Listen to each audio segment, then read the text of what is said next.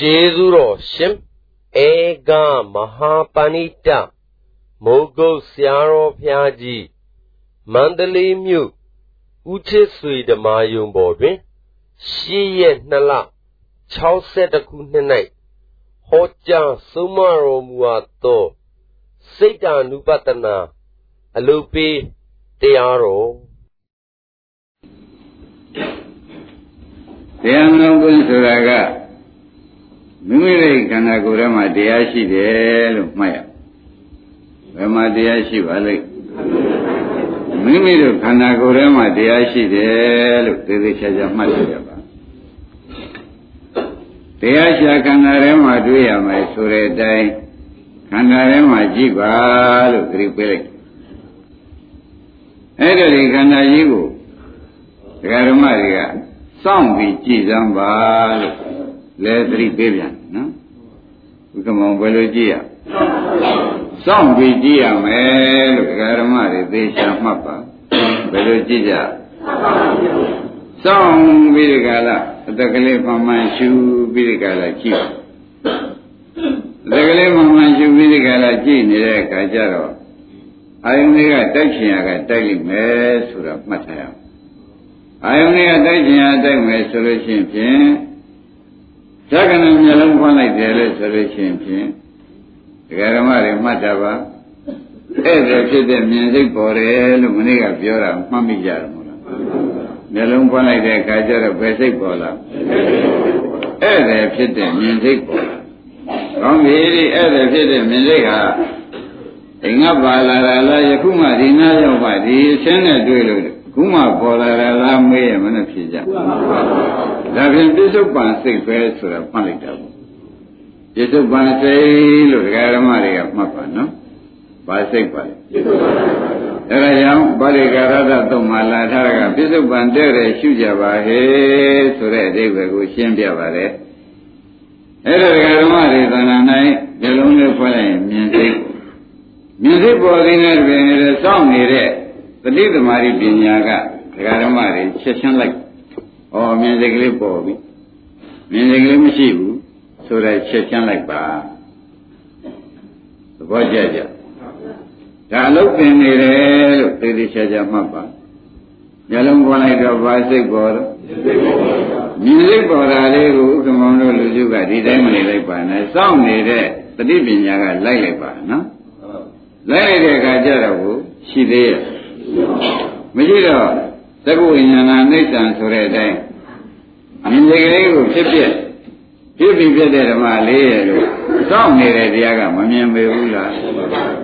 စောင့်နေတဲ့တရားမြင်တော့ငါမြင်သူမြင်လားလို့မေးတဲ့အခါကြလို့ချင်းငါမြင်သူမြင်ဆိုတာမဟုတ်ပါဘူးမြင်စိတ်ကလေးကမြင်ပြီးတဲ့ကလာမြင်စိတ်ကလေးကမမြင်မဲလို့ပဲချုပ်သွားတယ်ဆိုတာဓမ္မတွေမှိုက်တယ်ပေါ့အဲဒီကဲလို့ရှုလိုက်တဲ့အခါကျတော့ မြင်စိတ်ကဖြစ်ဖြစ်ရှုတာကမဲ့ဆိုတာလေဓမ္မတွေမှတ်မိကြပါလိမ့်မယ်နော်မြင်စိတ်ကဗါတဲ့ရှုတာက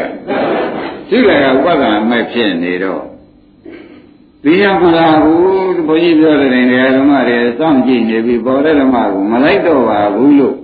တရားဓမ္မတွေကခပ်ပေပေနဲ့နေကြမယ်ဆိုလို့ရှိရင်ဖြင့်ညင်းလိုချင်တယ်မလားဘူးဆွဲလန်းတယ်ဆို အထုတ်မယ်ဆိုတော့ကာယတိတဏှာဥပါဒံကံမလာပဲဘူးလားအဲ့ဒါကြောင့်ဘုန်းကြီးတို့တရားဓမ္မတွေမြင်စိတ်ကလေးပရမရှိမှုစိတ်မှုနဲ့စိုက်ပြီးဒီကလာစောင့်ကြည့်နေတော့ဖြတ်ကနေမြင်စိတ်ကလေးပေါ်ရင်မြင်စိတ်နောက်ကိုတခါနဲ့စောင့်နေတဲ့ဓမ္မတွေကချက်ချင်းလိုက်လိုက်ပါရှင်းညအကယ်မလိုက်ဖြစ်ပါဘူးကမောင်ကြီးတို့ကမလိုက်ဖြစ်တော့ပါဘူးတခါသစ်တို့ကမလိုက်ဖြစ်တော့ပါဘူးဆိုရင်ဖြင့် မြင်တာကိုလူကျင်တယ်ဆွဲလန်းတယ်အထုတ်တယ်ဆိုတဲ့အနာကအကြောင်းသုံးခုတခါတည်းပေါ်လာတယ်လို့မှတ်စမ်းပါနော်ဘာပေါ်လာပါအနာကအကြောင်းသုံးခုပေါ်လာလို့ရှိရင်အနာကအကျိုးသုံးခုဆိုတဲ့ဇာတိဇရာမရဏဒုက္ခသစ္စာသုံးခုလာမလားမလာဘူးလားလာမယ်ဆိုတော့မသိကြဘူးလားအဲ့ဒါတွေကြောင့်ဒကာဓမ္မတွေစောင့်ပြီးဒီကလာပေါ်ရဖို့ အနိစ္စရှိပါဝါဖြစ်ပြရှုပါဆိုတဲ့ဥစ္စာဘဘာခိုင်းတာတော့မေးတဲ့ခါကျတော့ဥက္ကမောင်မှတ်လိုက်စမ်းတဲ့အခုရှိကပြထားတဲ့သနာဥပါဒံကံနေသနေတာလို့မှတ်လိုက်ဘယ်လိုမှတ်ကြလဲသနာဥပါဒံကံနေသလိုက်တော့အကြောင်းသုံးခုသတ်လိုက်တဲ့တဲ့ဇာတိဇရာမရဏဆိုတဲ့အနာဂတ်ဘဝအကျိုးသုံးခုလာသေးရဲ့ဒါစောင့်ပြီးရှုလို့နော် ဒါပြန်စောင့်ပြီးမရှုတဲ့ပုဂ္ဂိုလ်များအတွက်မှာဖြင့်ဩဘာများဖြစ်ရှာမှာလိမ့်မလဲလို့ဒကာဓမ္မတွေကမေးလို့ရှင်ဖြင့်မြင်တဲ့စိတ်ဖြစ်ပြမရှိတဲ့တဲ့လိုချင်တယ်ဆွဲလန်းတယ်မရရအောင်အထုတ်မယ်ဆိုတဲ့တရားသုံးခုမလားဘူးဒါအနာဂတ်အကြောင်းဟုတ်ဘူးလားအနာဂတ်အကြောင်းဆိုတာအခုအကြောင်းတော့လောက်ထားတာပဲတဲ့သေသေးချမ်းမဲ့နိုင်ဇာတိဇရာမရဏမလားဘူး ဇာတိဇရာမရဏဘာသစ္စာအဲ့ဒီဒုက္ခသစ္စာတွေလာမှစိုးလို့ဘုန်းကြီးကဒကာဓမ္မတွေမြင်စိတ်ပေါ်လို့ရှိရင်မြင်စိတ်ဖြစ်ဖြစ်ရှုပါအဲ့ဒါစိတ်ကလေးပါနာမြင်သူမြင်မဟုတ်ပါဘူးခုမှအာယုံဒွါရတိုက်ဆိုင်လို့ပေါ်လာတာပါအဲ့ဒီအာယုံဒွါရတိုက်ဆိုင်လို့ပေါ်လာတာလေးကိုအများတို့ငါလည်းမထင်ပါနဲ့သူလည်းမထင်ပါနဲ့အနိစ္စလေးလို့မထင်ကြအောင်လိုက်ပါအနိစ္စမို့အနိစ္စသိအောင်လုပ်ပါလို့ ဆိုတာအလုတ်ပင်တာပဲလို့ဒကာဓမ္မတွေမှတ်လိုက်ချင်ဒါအလုတ်ပင်နေတာတော့ဒကာဓမ္မတို့မြင်မြင်လေးကလေးဘာလို့อ่ะမရှိရင်ဘယ်လိုလိုက်ရမလဲသနာဥပါဒံကံလိုက်တာသေတိချမ်းမဲ့နိုင်ဘာရင်းများအမွေရမလဲလို့မေးလို့ရှိရင်ဇာတိဇရာမရဏရဘာရရမလဲဇာတိဇရာမရဏရနိုင်မယ်ဆိုတာမသေးကြဘူးလား ဩဒါဖြင့်ဒကာဓမ္မတို့မြင်ကလေးပဲဘာပြည့်ရှိသတုံးဆိုတာဥက္ကမောတို့ဒီစကားမသုံးလိုက်ပါနဲ့လို့ဒကာသစ်တို့ကိုသတိပေးလိုက်တယ်ရှင်းရလားဒါဖြင့်ဒီစိတ်ကလေးကဧည့်သည်လားအိမ်သည်လားလို့ဆိုတော့ယခုဒီရောက်မှပေါ်တာပဲဆိုကြပါလိမ့်ဒါဖြင့်ဧည့်သည်စိတ်ကလေးဘာလုပ်ရမလဲထိုင်ရမှတန်လည်းပဲစောင့်နေရမှတန်လည်းဟိုဒုံနဲ့တိုင်းနဲ့အတန်လေးကကြားပြန်တယ်ဆိုတော့လေဒကာဓမ္မတို့ဘာစိတ်ပေါ်ကြားစိတ်ပေါ် ကြားစိတ်ပေါ်လို့ဟောကြားရလန့်သွားတယ်ဆိုတော့ဒေါသသောကပရိဒေဝဒုက္ခဒေါမနတအဝိဇ္ဇာမလိုက်ပေဘူးဒါဘယ်နဲ့ကြောင့်ပါလဲမတော်လို့မဲတဲ့အခါကျတော့ကြားစိတ်ကလေးလာတယ်ဒကာဓမ္မတွေစောင့်ပြီးရှုပါဆိုတော့မရှုလိုက်မိတဲ့အတွက်ဒီကနေပြီးဒေါသသောကပရိဒီဝဒုက္ခဒေါမနသဥပါယသအဝိဇ္ဇာကြောင့်ပရိစ္ဆေသမုပ္ပါအဆုံးကဆက်မလာဘူးလားဆက်လာတော့ဘုရားနဲ့အနာဂတ်အကြောင်းဖြစ်တဲ့မဖြစ်တဲ့အ ဝိဇ္ဇာသင်္ကာရပြီးတော့ဝိညာဉ်မလာဘူးဝိညာဉ်ဆိုတော့ပရိသေလာခဲ့တော့ဒကာဓမ္မတို့ခမည်းတော်ဇာတိတွေကပုဂ္ဂိုလ်ဇာတိသွားဇရာတွေကပုဂ္ဂိုလ်ကလည်းဇရာသောဗျာတိတွေနေပြီးဗျာတိသွားတဲ့ပုဂ္ဂိုလ်တွေကျွတ်အပါဝင်မဖြစ်ပေဘူးလားအဲ့ဒါဆိုရင်လည်းဒကာဓမ္မတွေဒါလေးကအိမ်တယ်လားဧည့်တယ်လားဆန္ဒဆန်းကြားစိတ်ကလေးကဘုမပေါ်လာတဲ့ဧည့်တယ်လေးလို့ဆိုတာကိုကျင့်တတ်ပါ ကောင်းပြီဒါဆရာဘုန်းကြီးဒီဘယ်နဲ့ကြောင့်ဒီဃာဓမ္မတွေစိတ်တဏှုပဒနာသင်ရပါသလဲလို့ဥက္ကမမဲဖို့မလိုဘူးလားဒကာဓမ္မတွေအခုဘာဟောနေပါလိမ့်စိတ်တဏှုပဒနာယနေ့စပြီးမနေ့ကစပြီးဒီကရယနေ့ဆက်ဟောပြန်တယ်ဆိုတာကိုဒကာဓမ္မတွေကသိထားတော့မှစိတ်တဏှုပဒနာကိုသမောတေရာဆရာကဘာတဲ့ညာကလည်းနှုတ်ညတယ် ဒိဋ္ဌိကလည်းများကြတယ်ငါစိတ်လို့ထင်တယ်ငါကြားတယ်လို့ဒီဥစ္စာထင်လို့ရှိရင်ဒိဋ္ဌိမဖြစ်ဘူးလားငါမြင်တယ်ဆိုရင်တော့အဲ့တော့ညာနှောင်းနှောင်းတဲ့ပုံကိုယ်တွေလည်းဖြစ်ပြန်တယ်ဒိဋ္ဌိကလည်းစိတ်ပေါ်မှာလည်းသူတို့ကဒိဋ္ဌိများတဲ့ပုံကိုယ်တွေဖြစ်လေသောကြောင့်အပယ်လေးပါးသွားမှအမှန်တမ်းနိကတဲ့တရားဖြစ်နေသောကြောင့်ဒကာဓမ္မတို့စိတ်တ ानु ပဒနာကိုအရင်ရှုပါသဘောပါကြဘာရှုရ စိတ်ဓာတ်ဝဒနာရင်ရှုတော့ဒိဋ္ဌိအပြုတ်တယ်လို့ဒကာဓမ္မတွေမှတ်ထားကြမှာစိတ်ဓာတ်ဝဒနာရှုတော့ဒိဋ္ဌိပြုတ်တယ်လို့မှတ်ထားလိုက်တော့ဘုဘုန်းကြီးဒကာဓမ္မတွေနိုင်တဲ့ဩဒိဋ္ဌိဒီဥသောအနှောင်ပွဲကြောင့်အဝယ်ရောက်နေတဲ့ဥစ္စာဖြင့်တို့တာ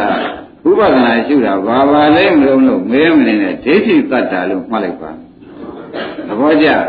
ဘာတတ်တာပါဒိဋ္ဌိတတ်နေတယ်ဆိုရင်ကျင်납လားအဲဒါဖြင့်စိတ်နှစိတ်ပြီးသွားပြီနော်အဲ့ဒါနှစ်ခုပြီးသွားပြီ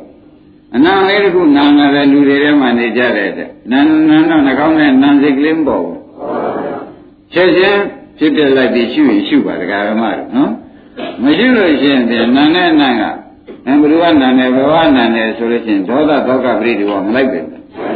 လိုက်လိုက်ခြင်းဝိဇ္ဇာကပါမလာဘူးလားဝိဇ္ဇာပြည့်စရာသင်္ခါရသင်္ခါရပြည့်စရာဝိညာဏနဲ့အနာဂတ်ဘဝတွေမလာပေဘူးလားဒါကြောင့်ငန်တဲ့စိတ်ကလေးနှာခေါင်းနဲ့ဧည့်သည်စိတ်ကလေးပေါ်လဲဘာလို့ရမလဲဖြစ်ပြရှုပေးပါလို့ဖြစ်ပြရှုလိုက်တဲ့အခါကျတော့ဒီကဒုက္ခဒေါမနတာတွေဒကာဓမ္မတွေမသေးဘူးလားဖြစ်ပြရှုလိုက်တဲ့အခါကျတော့နောက်ကလာမဲ့ဒုက္ခဒေါမနတာဒုက္ခပရိဒေဝဝိဇ္ဇာသင်္ခါရတွေမသေးကြဘူးအဲ့ဒါကြောင့် ဒကာဓမ္မတို့ဒီစိတ်တွေပေါ်လာရင်နာမ်စိတ်ပေါ်လဲဖြစ်ဖြစ်ရှုပါဆိုတာသဘောကျဘာဖြစ်လို့သဘောကျကြတုံးလို့မေးတဲ့အခါကျတော့မှအနာဂတ်အကြောင်းတွေပြတ်လို့အနာဂတ်ကျိုးတွေမပေါ်တာပါဖရာလို့ဆိုတာခင်ဗျားတို့အကျိုးခံစားရတာပဲရှင်းမလားအနာဂတ်ကြောင့်နေပြတ်သွားဒါပြန်အနာဂတ်ကျိုးတွေပဲဒါဖြင့်ဒကာရမတို့ဒီဟာဒီ အဝိဇ္ဇာသင်္ခါရတွေသတ်နေတဲ့တရားပဲဆိုရင်ကိုလွယ်ပါဒါကြောင့်ဥပဒနာလေးတဲ့နောက်ခန္ဓာအစဉ်ပြတ်သွားအောင်ရှုတာပါပဲဆိုတာရိပ်မိကြဥပဒနာဆိုတာဘာပါလဲနောက်ခန္ဓာအစဉ်ပြတ်သွားအောင်ရှုတော့ကိုနောက်ခန္ဓာအစဉ်ဟာဘာသစ္စာပါဩဥပဒနာရှိတဲ့ပုဂ္ဂိုလ်များဒုက္ခပြတ်ပါကလားဆိုတာတပွဲလုံးမှတ်ရလိမ့်မယ် ဥပဒနာရှိတဲ့ပုဂ္ဂိုလ်များဒုက္ခပြတ်တယ်ဆိုတာသိကြကြကောင်းပြီဒါဖြင့်လျှာပေါ်မှာကိုယ်တံတွေးမျိုးမျိုးကိုယ်ကလေးပဲကိုမျိုးမျိုးစားစိတ်ကလေးတွေမပေါ်ဘူးလားရှင်းကပေါ်တာလားခုမှပေါ်တာလားဒါဖြင့်ပြစ္ဆုတ်ပန်စိတ်ပြစ္ဆုတ်ပန်စိတ်ပဲဆိုတာသဘောကျအဲ့ဒီပြစ္ဆုတ်ပန်စိတ်ကလေးကိုတရားဓမ္မတွေကဖြစ်ပြဲဆိုတဲ့အနိစ္စရှုပြအောင်ရှုပါ မရှုလို့ရှိရင်ဖြင့်စားရတာကောင်းရင်တဏှာဥပါဒံကံလိုက်ပါလိမ့်မယ်သဘောကျစားရတာကောင်းရင်စားရတဲ့စိတ်ကလေးကမကောင်းတဲ့စိတ်မကောင်းဘူးလို့ခင်ဗျားတို့ထင်လို့ရှိရင်ဒေါသသောကပရိဒေဝရောစားရမှစားတဲ့စိတ်ကလေးပုံမှန်မှမသိလို့ရှိရင်အဝိဇ္ဇာသင်္ခါရလိုက်မလိုက်ပဲဘူး။ဒါရင်ပရိစ္ဆေသမုပ္ပါဒိကြီးဆက်လိုက်နေတော့ဒကာဓမ္မတို့ အကြောင်းတွေကြီးဆက်လိုက်နေတဲ့အတွက်အကျိုးဒုက္ခတွေမရဘူးလေ။အဲ့ဒါဘုန်းကြီးရှုခိုင်းတာဘုရားရှုခိုင်းတာစိတ်ဓာနုပါဒနာရှုခိုင်းတာဒိဋ္ဌိသပိတကာလဒိဋ္ဌိသလို့ရှိရင်သောတာပန်တည်တယ်လို့မှတ်ပါတဏှာသလို့ရှိရင်သောတဂရဂံနာဂံယန္တာတည်တယ်လို့မှတ်ပါဒါကြောင့်သောတာပန်အရင်တည်အောင်လို့စိတ်ဓာနုပါဒနာကိုစဟောနေတယ်ရှင်းကြသောတာပန်တရားတို့ဘာနုပဒနာဟော စိတ်တ ानु ပဒနာဟောနေတယ်ဆိုတာရှင်းတတ်ကြလားဘယ်နဲ့ကြောင့်စိတ်တ ानु ပဒနာဟောရပါလိမ့်မလို့ဆိုတော့ဒါငါစားတယ်ဆိုတော့စားတာကဒကာဓမ္မတွေစားစိတ်ကစားတာကိုခင်ဗျားတို့ကငါစားကောင်းလိုက်တာလို့မထင်ဘူးဒါပြင်စိတ်ပေါ်မှာစားစိတ်ပေါ်မှာဒိဋ္ဌိပါမပါငါစားကောင်းငါသမီးလေးငါသားလေးငါကျွေးကျင်လိုက်တာဆိုတော့အတ္တနိယကမလာဘူးလားအဲအတ္တလာလို့ရှိရင်အတ္တနိယလာမှာဆိုတဲ့အတွက် ဘုရားသခင်ကိုရမကြီးကစိတ်ဓာနုပါဒနာအရှုခိုင်းပါတယ်ဆိုတာကိုကျေနပ်ပလားခိုင်းခန္ဓာကိုယ်မှာရတယ်နားတယ်ဒကာဓမ္မတို့ဟိုအိမ်ကပါလာတာဒီကြောင့်မှရတာနာတာလားမေးမနဲ့ပြီဒါပြန်ပြစ္ဆုတ်ပံရနာတဲ့စိတ်ဒုက္ခသာကိုကားဝင်ရင်စိတ်သိကြပါလား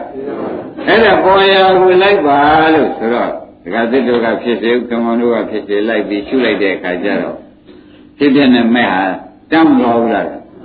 အကယ်မရှိရပါဘူးဆိုတော့နာရာကိုမခံကျင်စိတ်လာတဲ့အခါကျတော့သောတာသောကပရိဒီဝတွေနောက်ကလိုက်မလားမလိုက်ဘူးလား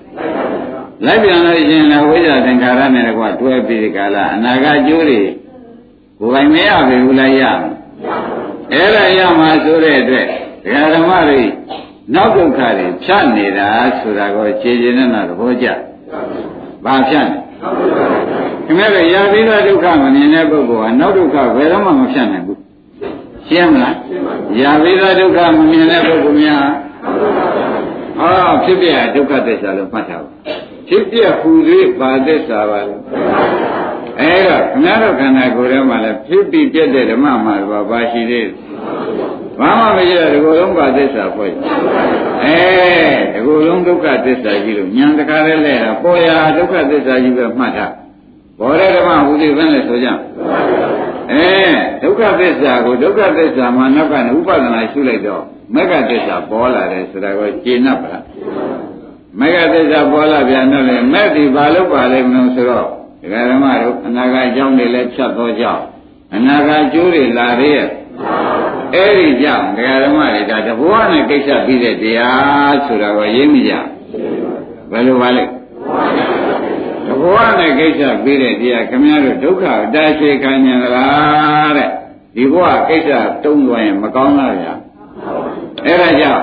မကြိုးစားရင်တော့မရဘူးဆိုတာကိုရင်းမိကြကြိုးစားကြပါဆိုတော့ဘုန်းကြီးကဒီကနေပြီးလေးလေးနဲ့နဲ့ပဲခင်ဗျားတို့ကိုတိုက်တွန်းနှိုးဆော်ပြီးဒီကလာကိုရဲ့ကိုသိကြပါဆိုတာကိုလည်းသေချာပြောပေးနေတယ်ဆိုတာရှင်းကြကောင်းပြီဒါဖြင့် ဘုရားမရဓမ္မတွေတခါတည်းကြတာလေးလေးတိုက်မေးလေးလုံးချမ်းတဲ့အခါမေးလေးလုံးတဲ့အခါကျတော့ကောင်းစိတ်ကလေးများချမ်းသာတဲ့စိတ်ကလေးမပေါ်ဘူးလားပေါ်ရင်းတဲ့တွင်လည်းချမ်းသာတဲ့စိတ်ကလေးချမ်းသာလိုက်တာသဘောကျလိုက်တဲ့နှစ်သက်လိုက်တာမိဘနာတိုးရအောင်မယ်ဆိုတဲ့သဘောမျိုးဆိုရင်တဏှာဥပါဒံကံမလာပဲဘူးလားအဲ့ဒါလာမှဆိုတဲ့အတွက်အနာဂတ်ကြောင်းတွေလာမှဆိုတဲ့အတွက်ဥက္ကမောင်ရေဒုက္ခလေးပေါ်ရင်လည်းဘာလို့ ਆ အဲဒုက္ခကဖြစ်ပြရှုတာကမဲ့ ဒုက္ခကရှုတာကဒီလိုတန်ត្រာပြတ်သွားမယ်ဆိုလို့ရှိရင်ပြန်ဒကာဓမ္မတွေဒီဘက်ကပေါ်လာတာသမုဒိယသစ္စာလေးရှိသေးရဲ့လားသူကလုံးမဖြစ်မဲ့နောက်ဇာတိဇရမရဏဒုက္ခသစ္စာမရှိတော့ဒကာဓမ္မတို့သစ္စာနှစ်ခုသမုဒိယနဲ့ဒုက္ခကိုခင်ဗျားတို့ဖြတ်ပင်နေတဲ့အလုပ်ဆိုတာကိုသေသေးချာချာမှတ်ပါဒီသုံးခုကသမုဒိယသစ္စာနောက်လာမှာကဒုက္ခ ယခုတွေ့နောက်ကမရှိဘဲနဲ့ဆက်လာတာဘာဆိုကြမလဲမရှိရင်ဆက်လာမယ်ဆိုတာသိကြဘူးလားတဏှာဥပါဒံကမ္မနာပဲဘူးလားအဲ့ဒါကဘာသစ္စာနဲသေဒီကမဲ့နိုင်ဇာတိစရမရဏမလာပဲဘူးလားအဲ့ဒါကြီးကဘာသစ္စာဒါပြန်ဥပဒနာရှိတဲ့ပုဂ္ဂိုလ်များမှာသမုဒိယသစ္စာနဲ့ဒုက္ခသစ္စာပြတ်တယ်ဒုက္ခမောင်ဘာပြတ်ပါလဲ နောက်ကဓမ္မတွေသေချာချာအမြင်နဲ့ပြနေတယ်ဒီရှုလိုက်တဲ့ပင်နေတဲ့တဏှာဥပါဒံကံဆိုတဲ့သမုဒိယ၃ခုကိုလာသေးရဲ့သမုဒိယဆိုဖြစ်ကြောင်း၃ခုဆိုတယ်နော်ဖြစ်ကြောင်း၃ခုဆိုမလာတော့ဖြစ်ကျိုး၃ခုဆိုတဲ့ဇာတိဇရာမရဏကိုလာသေးရဲ့ဟောဒါဖြင့်တို့စိတ်ဓာနုပါဒနာပေးထားတာဒီကားလို့ရှင်ဖြင့်သမုဒိယနဲ့ဒုက္ခချုပ်အောင်လုပ်တာပါလားဆိုတာကိုကျေနပ်ပါဒါဖြင့်လုပ်ပြအောင်လုပ်ပါလို့အားလုံးကိုတိုက်တွန်းရတယ်နော် မလုပ်ရင်ဖြင့်တခါပြည့်ဖြစ်ကိုမဖြစ်ဘူးရှင်းရလားကောင်းပြီဒါဖြင့်ဧည့်သည်6ခုပြင်ဧည့်သည်6ခုပြီးတော့ပြီအတွင်းဧည့်သည်5ခုရှိသေးတယ်ဆိုတာကိုလည်းရှင်းပြပါမယ်အတွင်းဧည့်သည်ကတခါတည်းကြတော့တခါတည်းလည်းမဟုတ်ဘူးလောဘအများများပေါ်တတ်နော်အဲ့ဒီလောဘလေးပေါ်လာလို့ရှိရင်လည်းတရားဓမ္မတွေဘာလို့ပြ ဒီပြည့်ယူလိုက်လို့ရှိရင်လောဘလောဘရင်ချုပ်သွားပြီးကာလတဏှာရင်ချုပ်သွားပြီးဥပါဒံကံနေလာရဲ့မလာတော့အနာဂတ်အကြောင်းတွေပဲနေတယ်အနာဂတ်အကြောင်းချုပ်တော့အနာဂတ်ကျိုးတွေကိုလာနိုင်လေရဲ့ဩဒါဖြင့်တို့လောဘလာလဲဖြစ်တဲ့ရှုကိုပဲဆိုပြီးဒီကလာသရဂစိတ်တံသောရဂစိတ်တံဤပဇာနာတိလောက်ရမှာပေါ့ဗျာရှင်းကြလားအကယ်၍အကြောင်းမရင်ရတဲ့အခါကျတော့ခန္ဓာကိုယ်ထဲမှာဒေါသလေးပေါ်လာတဲ့အခါကောမရှိ အဲ့ဒါလေးလေဥက္ကမောင်ရဲ့သတိထားပြီးဒီကာလစိုက်ပြီးရှုလိုက်တာပေါ့ဒေါသစိတ်လေးရှုလိုက်တော့ဒေါသကဒေါသလားဖြစ်ပြက်လားရှုတာကဆိုတော့သောကပရိဒီဝနောက်ကချုပ်မချုပ်ချုပ်ချင်းကြောင့်ဓမ္မတို့နောက်ဘဝဆိုတဲ့အဝိဇ္ဇာသင်္ခါရလှုပ်เสียပေါ်သေးရဲ့ဟောဒါဖြင့်ဒီမဲ့တစ်ခုဒီငါတို့ကဲမဲ့ယူမဲ့တရားပဲဆိုတာသိကြပါလားမဲ့တစ်ခုကဘာပါလဲ အဲ့တော့ကဲမဲ့ယူမဲ့တရားကိုဘုန်းကြီးတို့ဓမ္မတွေမလုပ်ဖြစ်ကြဘူးဆိုလို့ရှိရင်ခင်ဗျားတို့ကဲမဲ့ယူမဲ့တရားမရှိတဲ့ပုံကိုယ်တွေပဲရေထဲနဲ့နေတဲ့ပုဂ္ဂိုလ်ကလှေကလည်းမလားသမောကလည်းမလားဥဆယ်မဲ့လူကလည်းမပါဆိုတော့ဒီရင်းနေသမားတော့ကန်နေတာရှိသေးရဲ့ဘာကြောင့်တုံးလို့မေးတဲ့အခါကျတော့ဓမ္မရေကနဲ့နေတဲ့ပုဂ္ဂိုလ်ဖြစ်နေတော့ကဲမဲ့ယူမဲ့လူကပေါ်သေးရဲ့ ခင်ဗျားတို့မှလည်းတဲ့ကံကပြစ်ချလိုက်တဲ့အခါကျတော့ဟုတ်တဏှာရည်ထဲမှာမျောနေကြတဏှာခိုင်းတာအကုန်လုံးနေကြသဘောကျခင်ဗျားတို့ကံကပြစ်ချလိုက်တာဘယ်ထဲမှာပြစ်ချလိုက်ပါလိမ့်တဏှာရည်ထဲမှာခင်ဗျားတို့တောင်ကလူကမြောက်သွားဘာဖြစ်လို့သွားတယ်လို့လူရင်းရရင်လို့မြောက်ကလူကတောင်သွားတာကောရှေ့ကလူကနောက်သွားတာကောအနောက်ကလူကရှေ့သွားတာကောဘယ်ထဲမြောင်းနေတော့ ဟောကံကပြည့်ချလိုက်တယ်ဒကာဓမ္မတို့တဏှာရည်ထဲမြောင်းနေတော့အင်းတဏှာရည်ထဲမြောင်းနေတော့တော်တော်ကြာကြာလို့ရှိရင်တဏှာဆိုတာကာမသွားအာသောဆိုတော့ဝေယောကဩကဆိုတာတခါတည်းဒီတဏှာရည်ကလေပါများလေလေနောက်ဆုံးမိတ်ကြတော့တခါတည်းမြုပ်သွားတာဩကကိုခမောင်ရကာမောကဆိုတော့ဒကာဓမ္မတွေမြုပ်မသွားပဲကွာ သေတိရမယ်နိုင်တဏှာရည်မျောပြီးနေတဲ့ပုဂ္ဂိုလ်ဟာသွားရင်လူရင်းကြရင်နဲ့သေတဲ့ပုဂ္ဂိုလ်ဟာအာရုံဒီဘက်ကဒကာဓမ္မတွေမြုပ်ဖို့ရအကြောင်းမသေးကြလားဘယ်မှလည်းကြောင့်ငါကမျောနေတာကိုဗျသေတော့မမြုပ်ဘူးလားအဲဒါခင်ဗျားတို့ကံကပြစ်ချိုက်တဲ့တဏှာရည်ထဲမှာမျောတဏှာဝေယောကထဲမှာလဲချပြီးကြတာနောက်ဆုံးမိမြုပ်စေတဲ့တရားကိုကဲမဲ့ယူမဲ့လူယနေ့တွေ့ပါဗလားဟောဒီဥပဒနာရှိတဲ့မဲ့ဟာကဲမဲ့ယူမဲ့လူပဲ သဘောပါကြဥပဒနာရှိတဲ့မဲ့ဟာ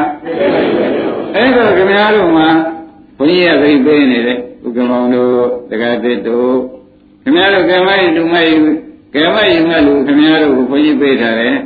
ခင်ဗျားတို့ကအဲ့ဒါကိုကဲမဲ့ယူမဲ့လူကိုရန်သူထင်းနေလို့ရှိရင်ဖြင့်ခင်ဗျားတို့တော့လဲလှဲ့လေပြီးဒီကမြုပ်ပါလိမ့်မယ်လို့ပြောရတယ်ဝဲလဲလဲပြီးဒီကလား မြုပ်သွားလိမ့်မယ်ဆိုတာမသေးကြဘူးလားအဲ့ဒါကြောင့်တရားဝဲလုံးကိုတရားဓမ္မတွေလေးလေးနက်နက်သတိပေးနေပါတယ်ခင်ဗျားတို့ကံကပြစ်ချိုက်တာကလှုပ်ရှားရမယ်ဘဝထဲမှာရှားစားမယ်ဘဝထဲရောက်နေတယ်တဏှာရည်ထဲမှာလင်းနေရမလဲရဘူးလားလဲတော့သူလေတော့ကကျတော့ကလိုက်နေတယ်ခင်ဗျားတို့မှလဲနေဥစ္စာကမဲယူမဲ့လူဆိုတော့မက်ကံဖောင်ကြီးလေခင်ဗျားတို့ကကိုယ်တိုင်လေး ကိုယ်တိုင်လည်းမလုပ်တတ်လုပ်ပေးတဲ့ပုဂ္ဂိုလ်ကလုပ်ပေးပြန်တော့လေကိုယ်တိုင်ဖောင်မှုမရှင်မင်းနဲ့ခင်ဗျားတို့ကနေလိုက်မယ်ဆိုလို့ရှိရင်ဖြင့်လဲပြီးမြုပ်ပါလိမ့်မယ်ဒီဓမ္မတွေဆိုရင်လွယ်ပါသဘောပါကြဒါဖြင့်ဒီဓမ္မတွေယခုကဲမဲယူမဲ့တရားသဘောပါကြဘယ်တရားပါလဲရှုတဲ့မတရားပဲဆိုတော့မဂ္ဂင်၅ပါးမဂ္ဂင်၈ပါးဒီဒကာဓမ္မတို့ကဲမဲ့ရင်မဲ့တရားသဘောပါကြ ခင်ဗျားတို့သေလန်းကိုသားကတန်းနေရလားသမီးကအပယ်သွားတာကိုသားကသမီးကပစ္စည်းကဒါဖြင့်ဟိုဟာတွေကဲမဲ့ရင်မဲ့လို့မဟုတ်ဘူးခင်ဗျားတို့သိကြပါလားဟောဒီမဂ္ဂင်ကတော့သေဒီတခါလေခင်ဗျားတို့ယခုလဲနေတဲ့ဝေဘကြီးဆိုတဲ့ကာမသဝကြီးကိုလည်းဥက္ကမောင်လာခွင့်ပေးသေးရဲ့လားတဏှာလာခွင့်ပေးသေးရဲ့အဲ့တော့ဝေဘကလည်းသူကမလဲအောင်သူလုပ်ပေးနေတယ်မဲ့ခင်ကရှင်းမလား နောက်ဒီရမယ်နဲ့ဘယ်လေးပါမြုပ်ကိုရဆိုတာကိုသူကမကန့်တော့ဘူးလားဒါဖြင့်ဒကာဓမ္မတို့အာကိုရဖြစ်စီမဲ့ခင်ဖြစ်တာပဲရှင်းကြပါလားအာကိုရဖြစ်မဲ့ခင်ပဲရှိတော့ဒကာဓမ္မတို့တခြားသောတရားဖြင့်အာကိုရဒါတော့မဟုတ်ဘူးဆိုတာကိုယနေ့ရှင်းရှင်းလင်းလင်းသဘောကျပါကောင်းပြီဒါဖြင့်ဓမ္မတို့ဒေါသလာလည်းဖြစ်ဖြစ်ရှိပါနော် စိတ်ထဲမှာတန်တရားလေးရှိနေတယ်ဘုရားဘုရားမှဟုတ်ကြလားတရားတရားမှဟုတ်ကြလားသံဃာသံဃာမှဟုတ်ကြလားဆိုတဲ့တန်တရားဝိသိကိစ္စလာရင်လည်းဘာလို့ကြမရှိလို့ရှင်တန်တရားဝိသိကိစ္စဆိုတာဥက္ကမောင်အဝိဇ္ဇာလို့မှတ်လိုက်ကြမှာအဝိဇ္ဇာဖြစ်เสียသင်္ခါရဖြစ်เสียအဲဒုတိယဘဝကူးမသွားပဲဘူးလားဒါကြောင့်ဝိသိကိစ္စဆိုတဲ့မောဟလာရင်လည်းဘာလို့ရမလဲ ဥဒိစ္စဆိုတဲ့ပြောင်းလဲတဲ့စိတ်ကလေးလာရင်ဟောအဲတန်လျာရှိလဲဖြစ်တန်လျာရှိတဲ့စိတ်ကလေးဝင်နေပေါ်လာလဲအနိစ္စပဲလို့သာရှုသဘောကျလားပြောင်းလဲတဲ့စိတ်ကလေးလာရင်လည်းအနိစ္စလိုဖြစ်ဖြစ်လို့ပဲရှုပါဆိုတော့ဒကာဓမ္မတို့မောဟကံမောစိတ်တံကံမောစိတ်တံဒီပဇာနာတိဆိုတဲ့အတိုင်းစိတ်တ ानु ပဒနာမှာဖုတ်တန်သွားတော့တယ်ဆိုတာသိကြပါလားဒါဖြင့်ဒကာဓမ္မတို့အတွင်းဧည့်တယ်လေရှုတတ်ပလားလို့မေးလိုက်ပါတယ် ကဲဒါဖြင့်အလောဘဆိုတော့မလိုချင်တဲ့စိတ်သူ့ပြင်ဘာမှမလိုချင်ဘူးဆိုမဲ့မလိုချင်မနဲ့ရမနေနဲ့မလိုချင်တဲ့စိတ်လည်းဘာလို့ရမလဲမေတ္တာပို့တဲ့စိတ်ကလေးလည်းနောက်ဆုံးပြီးဘာလို့ရမလဲဒီအာရောဂစိတ်လည်းဖြစ်ဖြစ်ရှုပါဆိုသဖြင့်တဲ့ဒကာဓမ္မတို့ပေါ်ရခင်ဗျားတို့သဏ္ဍာန်မှာပေါ်ရစိတ်ကိုပဲဖြစ်ဖြစ်ရှုရပါလိမ့်မယ်ရှင်းကြဘယ်ရှုကြမှာလဲ ပေါ်ရစိတ်ကိုဖြစ်ဖြစ်ရှုရလိမ့်မယ်ဆိုတာသိကြပါလားဘာမှမရှိတော့ဘူးအလောဘဒေါသလည်းမရှိတော့ဘူးဆိုလို့ရှိရင်ဒကာဓမ္မတို့ခင်ဗျားတို့မှာသက်ဆောင်စိတ်ကလေးရှိပါတယ်လို့မှတ်လိုက်စမ်းပါဘာရှိတယ်သက်ဆောင်စိတ်ကလေးရှိတယ်တဲ့ခင်ဗျားတို့ဘုံနဲ့ပိုင်းကနေနဲ့လဲမသေးရအောင်တခါတည်းခင်ဗျားတို့ကိုစောင့်နေတဲ့လေလေးပြင်မဲ့ထုတ်တဲ့စိတ်ကိုမရှိဘူးလေလေအတွင်းပြန်ချိတ်တဲ့စိတ်ကို အဲ့ဒီစိတ်ကဒကာဓမ္မတွေသက်ဆောင်စိတ်လို့မှတ်လိုက်စမ်းပါအိမ်တယ်စိတ်လို့လည်းမနေ့ကပြောခဲ့တယ်မဟုတ်လားအဲ့ဒါလေးဆွစိတ်ပေါ်လာရင်ထွအောင်လုပ်တဲ့စိတ်ကလေးကိုပန်းပြီးရင်လည်းမှန်းပြီးကြလားအော်သူပေါ်လို့လေထွက်လာတာပဲဆိုပြီးကြလားသူ့မှန်းပြီးတော့ဒကာဓမ္မတွေဖြစ်ဖြစ်ရှုပေးပါသဘောကျလားဖြစ်ဖြစ်ရှုပေးလိုက်တော့ဆွစိတ်ကဖြစ်ဖြစ်ရှုတယ်ကမက်သွားဖြစ်တယ်ဝင်စိတ်ကလေးလာပြန်ဝယ်အောင်ရှိုက်တဲ့စိတ်ကလေးလာပြန်လည်းပြင့်မထားလိုက်ပါနဲ့ ဒီစိတ်ကလေးကိုလည်းဘာလို့อ่ะအဖြစ်ဖြစ်ရှုလိုက်တဲ့အခါကျလို့ရှိရင်ဖြင့်တဲ့ဝင်စိတ်ကဖြစ်ဖြစ်ရှုတာကမဲ့ဆိုတော့ပြိဿသမုပ္ပါကြီးကလာသေးရဲ့အဲ့တော့အခုပြောခဲ့တာလဲတော်တော်ဆုံးပါပြီဒကာဓမ္မတွေသဏ္ဍာန်ပေါ်ရစိတ်တွေအကုန်ငါရှုပါတော့ဖြစ်ဖြစ်ရှုပါတော့ဆိုတာဖြင့်ကြည်ရင်နဲ့သဘောကျဒါနီးပေးနေတာလို့မှတ်လိုက်စမ်းပါနော် ဘာပေးနေတာပါလဲနီးပေးနေတာတဲ့သိက္ခာနုပါဒနာနီးပေးနေတာဆိုတာသိကြကြကောင်းပြီဒါဖြင့်ဓမ္မတို့ဩဒီစိတ်တ ानु ပါဒနာရှုခြင်းဘာကျေးဇူးများပါလိမ့်မလို့ဆိုတော့ဒါတွေအနိစ္စတရားရှင်းပိုင်းကဖြစ်ပြကြီးပဲဆိုတော့အနိစ္စလားအနိစ္စဒါဖြင့်နိစ္စဒိဋ္ဌိဆိုတာကွာသွားသဘောကျလားဘာကွာသွားပါ နိစ္စဒိဋ္ဌိကွာသွားပြီဆိုလို့ရှိရင်ဖြင့်တဲ့ဒကာဓမ္မတို့တဲ့အတ္တဒိဋ္ဌိကိုမကွာဘူးလားငါငါဥစ္စာလည်းသင်သေးရဲ့အဲနေတ္တဒိဋ္ဌိတို့အတ္တဒိဋ္ဌိတို့ဆိုတော့ဒိဋ္ဌိတွေအကုန်ပြုတ်လို့ရှင်းဖြင့်ဖြစ်ဖြစ်ရှုလို့ဒိဋ္ဌိပြုတ်လို့ရှင်းဖြင့်တဲ့သောတာပန်တည်တယ်လို့မှတ်လိုက်စမ်းပါဒိဋ္ဌိပြုတ်ရင်သောတာပန်တည်ရင်ဒိဋ္ဌိရင်စဖြုတ်ရမယ်ဆိုတာသေသေးချာချာမှတ်ပါ သောတာပန်တည်ရင်ဒါဖြင့်ဘုန်းကြီးတို့ဓမ္မတွေယနေ့ကစပြီးမှတ်တာပေါ့စိတ်တ ानु ပဒနာကြက်ကြက်ရှုကြသောတာပန်တရားအောင်နော်သောတာပန်မတည်ပဲနဲ့သရဂံနာဂံတည်ခြင်းတော့ဖြစ်နိုင်မှာမလားသောတာပန်မတည်ပဲနဲ့သရဂံနာဂံယန္တာလှမ်းတက်လို့ကြော်တက်လို့မရဘူးဆိုတာသိကြကြအဲ့ဒါကြောင့်သောတာပန်တည်ခြင်းစိတ်တ ानु ပဒနာရှုပါ ပေါ်ကြသောတာပန်တည်ခြင်းအပေလေးပါလွတ်ခြင်းယတိရှိပါလွတ်ခြင်းသိက္ခာနုပါဒနာရှုပါဆိုတော့ဩဒါဖြင့်ရှင်သာရိပုတ္တရာဟောထားတာလေးဒကာဓမ္မတွေဒီနေ့ထူးထူးလည်းလည်းလေးပြောပေးရမယ်နော်ထူးထူးလည်းပြောပေးတော့ဥက္ကမောင်အေးသေချာမှတ်ဒကာဓမ္မတွေသူများဝန်တဲ့မှာ ဘုဆိုင်ကိုလာရတော့လေဝယ်ကျင်တယ်လားဈေးစုံတန်းတာလားဟုတ်လားဒါကဲခတ်ဖို့အတော့မခက်ဘူးလားဝယ်ခြင်းတကယ်ဝယ်ခြင်းလို့လားဈေးပဲစုံစမ်းရေးလာတာလားသာသွားကောင်းပြောနေတဲ့စကားလားဆိုတာကိုခင်ဗျားတို့အကဲခိုက်နေတော့ခက်လူတယောက်လာပြီးကိုယ်ဆိုင်နာလာရတဲ့ခါကြလို့ရှင်းဖြင့်ဈေးစစ်ဒါကိုလည်းတကယ်လို့ခြင်းလို့စစ်တာလားသိရင်ရုံလေးစစ်တာလား အာဝန်ကောင်းထွက်ကောင်းဖြစ်အောင်လို့စစ်တာလားဆိုတော့သူစိတ်ကဲခတ်ဖို့ဘယ်နဲ့နေကြအမှန်မကဲဘူးလားသဘောပါဒါဖြင့်သူရစိတ်ကဲခါရတာအမှန်တန်ခက်တယ်လို့ရှင်သာရိပုတ္တရာကပြောလိုက်ပါတယ်ကိုယ်စိတ်ကိုကဲခတ်ပါဘယ်ဓမ္မတို့ပါတယ်သူများစိတ်ကဲခတ်ရတာကတော့မမှန်ပါဘူးကွာရှင်းရဘာလို့ရမလဲကိုယ်စိတ်ကိုကဲခတ်ရ သူများစိတ်ကဲခတ်ရတာကတော့မမှန်ဘူးတဲ့ကိုယ်ကဘင်းရင်မရပဲကိုယ်ပဲဒါဖြင့်ဘယ်ဟာကဲခတ်ရဒါဖြင့်ကိုယ်စိတ်ကိုကိုယ်ကဲခတ်ပါလို့ဆိုတဲ့စကားလေးတစ်လုံးစိတ်ဓာနုပဒနာဆိုတာဘာပါလိမ့်မလို့မေးလို့ချင်းကိုယ်စိတ်ကိုအကဲခတ်တာလို့မှတ်လိုက်စိတ်ဓာနုပဒနာဆိုတာဘာပါလိမ့်စိတ်ဓာနုပဒနာဆိုတာဘာပါလိမ့်စိတ်ဓာနုပဒနာဆိုတာဘာပါလိမ့် မမေ့နေနဲ့ကိုယ်စိတ်ကိုကိုယ်ကဲခတ်ပါဒကာဓမ္မတို့မြတ်ကဲခါရမှာလားကိုယ်စိတ်ကိုကဲခါရမှာအဲဒါစိတ်တ ानु ပါဒနာဆိုတာဘာပါလိမ့်ကိုယ်စိတ်ကိုကဲခတ်တော့လွဲ့နေသွားအောင်မှာလားဒကာဓမ္မတို့မတဲ့ပြီးတဲ့ပြီးကြတော့ကိုယ်စိတ်ကိုကဲခတ်လို့ချင်းသိချတဲ့သဘောပါ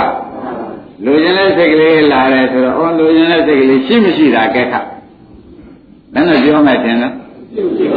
ဒါပြန်မရှိတာအိဋ္ဌအကဲခတ်တာအမက်ကလားမရှိတာကအကဲခတ်တာကဩ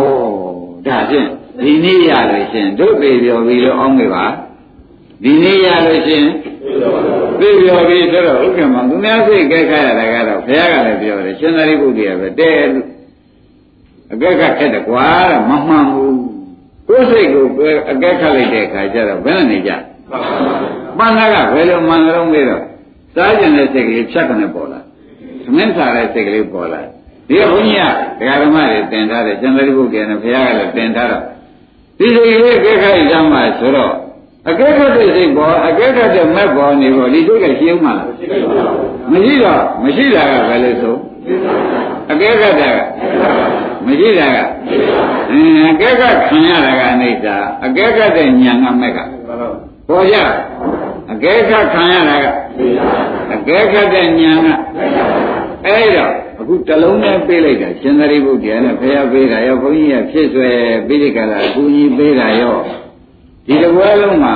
စိတ်ဓာတ်ဥပါဒနာဆိုတာဘာပါလိမ့်မလို့ဘုရားလို့မမင်းနဲ့တော့ကိုယ်စိတ်ကိုအကဲခတ်တာရှင်းမလား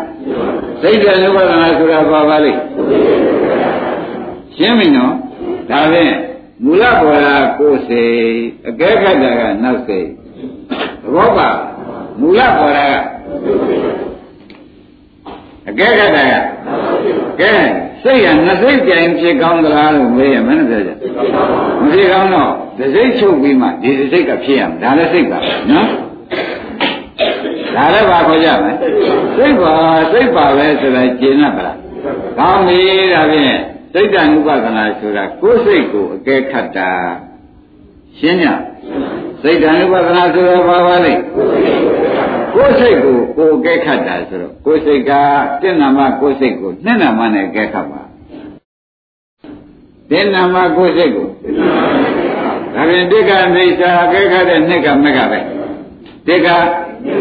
အကဲခတ်တာကမက်ကပဲဆိုတော့ဒကာဓမ္မတွေသံဃာရှိသေးရဲ့ ကောင်းပြီဒါဖြင့်ဒကာဓမ္မတွေသဏ္ဍာန်ပုံမဲ့စိတ်တွေကသိလည်းမများပါဘူးလို့ပြောထားတယ်ဒကာဓမ္မတွေနော်ဒါပေဥက္ကမောင်ကြီးကာမစိတ်54ဆိုတာကြားဘူးကြတယ်သာထဲမှာကြားဘူးနော်အဲ့ဒီကာမစိတ်54မှာလဲဘုရားရဟနာဖြစ်တဲ့ဒကာဓမ္မတွေတဲ့ဒီမာဂရိယရှိခုနဲ့ဟပိတုပဆိုတဲ့စိတ်ကိုယ်ပြန်နှုတ်လိုက်သမ်းပါ ကိုယ်ပြန်နှုတ်တော့54တဲ့ကိုယ်နှုတ်လိုက်တော့ဘယ်လောက်ကြာလဲအဲ့ဒီခမည်းတော်တဏ္ဍာမှာသေချာချာသာမှ45စိတ်တည်းပေါ်ပြီလောဘပေါ်မယ်ဒေါသပေါ်မယ်မောဟပေါ်မယ်မြင်စိတ်ပေါ်မယ်ကြားစိတ်ပေါ်မယ်နော်ခင်ဗျားတို့အကဲခါမှစိတ်ဘယ်လောက်ပါလိမ့်မလို့ဆိုတာတော့သိကြပါလားဘယ်လောက်ပါလိမ့်မယ်အဲ့ဒီ45ရက်ပေါ်မှာပဲရှင်းမလားဘာပေါ်မယ်ခင်ဗျာ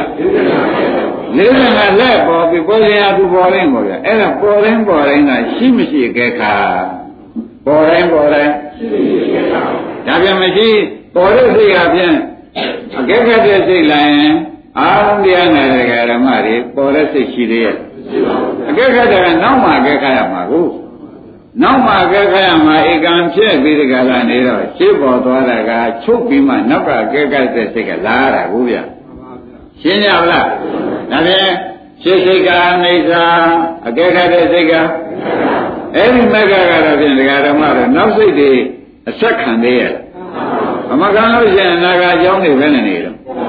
အနာဂတ်ကြောင်းတွေပြတ်တယ်ဆိုတော့အနာဂတ်ကျိုးတွေလာသေးရဲ့ဒါဖြင့်စိတ်တ ानु ပဒနာဆိုတာကိုယ်စိတ်ကိုကိုယ်ကဲခတ်တာဆိုပါသည်ရှင်းရစိတ်တ ानु ပဒနာဆိုတာဘာပါလဲ အကဲခတ်လိုက်တော့ဒကာသေးတို့ဥက္ကမောင်တို့ကစဉ်းစားတယ်ရှိတာတွေ့တယ်လားမရှိတာတွေ့မရှိတာဘာခေါ်ကြအဲအကဲခတ်တဲ့စိတ်ကအဲအကဲသာကနေခင်ဗျားတို့ကိုယ်စိတ်ကိုကိုယ်စိတ်ကိုသာနောက်စိတ်နဲ့သာအကဲခတ်ပြီးဒီကလာနေကြမယ်ဆိုမဲ့ရနေတယ်မှတ်ပါရှင်းမလားမဲ့ရဆိုတာဘာပါလဲဒကာဓမ္မတို့ကိုယ်စိတ်ကိုအကဲခတ်တဲ့ပုဂ္ဂိုလ်ဟာပြင်မဲ့ရတာပဲ ကိုယ်စိတ်ကိုအကဲခတ်တဲ့ပုဂ္ဂိုလ်ဩဒါဖြင့်မဲ့ရကိုအရေးကဆူတောင်းရမှာလားအကဲခတ်တယ်ရမှာလား ပေါ်ကြပါလားအဲဒါနဲ့ဒီနေ့ဒီကလုံးကိုတိုးပေးလိုက်တဲ့ဖြင့်တပည့်တော်စိတ်တန်ဥပဒနာမရှိသေးမရှိတတ်သေးပါဘူးခရားတို့ဒီဘွယ်လုံးပြန်လျှောက်เสียအကြောင်းကုန်သွားပြီဘာကြောင့်ကုန်သွားတယ်လို့မေးလို့ချင်းခொနက45စိတ်ရှိတဲ့နေ့က45လက်ပေါ်မှာပဲ အဲ့ဒီပေါ်တိုင်းပေါ်တိုင်းပေါ်တဲ့စိတ်ရှိမရှိအကဲခါရုံပဲဆိုတာရှင်းကြလားပေါ်တဲ့စိတ်ပါတဲ့ရှိမရှိအကဲခါလိုက်တဲ့အခါအကဲခတ်တဲ့အခါကျတော့မရှိတာကအကဲခတ်တဲ့စိတ်ကဒါဖြင့်ခင်ဗျားတို့မှာအကဲခတ်များတဲ့ပုဂ္ဂိုလ်ဟာမဲ့ရပါပဲအကဲမခတ်တဲ့ပုဂ္ဂိုလ်ဟာအဲတော့ပဋိဌာပညာနဲ့ကြည့်တဲ့ပုဂ္ဂိုလ်တတိဌာပိပညာနဲ့ကြည့်တဲ့ပုဂ္ဂိုလ်ဆိုတာအကဲခတ်တဲ့ပုဂ္ဂိုလ်ဆိုတာပါ ရှင်းကြပါလားဘာဆိုတာပါလဲအကဲခတ်တဲ့ပုဂ္ဂိုလ်ဆိုတာပါဆိုတာဒကာဓမ္မတွေကြားရမလားရှင်းပါကဲဒါဖြင့်သစ္စာတဲ့သွင်းကြပါစို့ဥက္ကမောင်တို့ဒကာတစ်တို့နော်သစ္စာတဲ့သွင်းလိုက်တော့ကိုယ်စိတ်ကိုကိုယ်ကဲခတ်ပါလို့ဆိုတဲ့စိတ်ကလည်းလောကီစိတ်45တဲ့ကာမစိတ်45တဲ့ဒီပညာတရားဘုရားရဟန္တာဖြစ်လို့ကိုယ်တဏ္ဍာမလည်းမပေါ်လို့သူ့ကဲခတ်เสียလိုသေးလားမလိုပါဘူးဒါပြန်ကိုယ်တဏ္ဍာပေါ်တဲ့ ခဏကပြောခဲ့တဲ့45စိတ်ကလေးကလက်မပေါ်ဘူးလားပေါ်ပါဘူးပေါ်တဲ့ခါကျလို့ချင်းဒီစိတ်ကလေးကိုဒကာဓမ္မတွေကပေါ်တိုင်းပေါ်တိုင်းကဲခတ်မယ်ဆိုလို့ရှိရင်ဖြင့်ကြာတော့အကဲခတ်ပါများတော့ဩဒီဥစ္စာတွေဒီစိတ်ကလေးဒုက္ခရောက်တာကိုအကြည့်ခိုင်းတာပါလားဆိုတော့ပေါ်လာတယ်မှန်ပါပါဒီပရမပေါ်တဲ့စိတ်ကလေးကဘာဖြစ်သွားပါလဲဒုက္ခရောက်ပါပါသင်ပရမရောပေါ်တဲ့စိတ်ကလေးကဒုက္ခရောက်တာကိုဒုက္ခရောက်မရောက်အကဲခတ်ခိုင်းတာ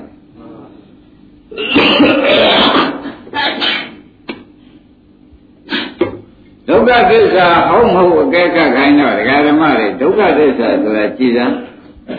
ဒီကိုယ်ကံတံပေါ်လာတဲ့စိတ်မျိုးလုံးနဲ့ပေါ်တဲ့စိတ်ဖြစ်ဖြစ်ဝိညာဉ်ဟာရရောက်သူဘောပေါ်တဲ့စိတ်ဖြစ်နာရင်ပေါ်တဲ့စိတ်ဖြစ်ဖြစ်ဒီနေရာကနေပြီးဟိုနေရာရွှေ့သေးသလားဒီနေရာမှာပဲသိသွားကြသလားဒီနေရာမှာပဲသိသွားကြဩသိမယ်လို့ဘောရာရဲ့သေရာရဲ့နှစ်ခုမတွေ့ရဘူး သိမယ်လို့ဘောရာရဲ့သေရာရဲ့နှစ်ခုတွေ့ရတော့သိမယ်လို့ဘောရာလည်းဒုက္ခသစ္စာတွေ့သွားတာဒါဖြင့်ခင်ဗျားတို့အကဲခတ်တော့အကဲခတ်ပါများတော့အာဒါကိုဒုက္ခကိုအကဲခတ်ခိုင်းတာပါလားဆိုတာတော့ညံတက်လာရှင်းမလားဘာအကဲခတ်ခိုင်းပါလဲကိုဒုက္ခကိုကိုအကဲခတ်ခိုင်းတာငါကတော့ကိုပစ္စည်းလေးရ အင်းပစ္စည်းလေးရသားလေးသမီးလေးတွေကျန်းကျန်းမရေးလေးကလုံလောက်နေတဲ့အခါကျတော့ရှင်ကိုဒုက္ခမရှိဘူးထင်လိုက်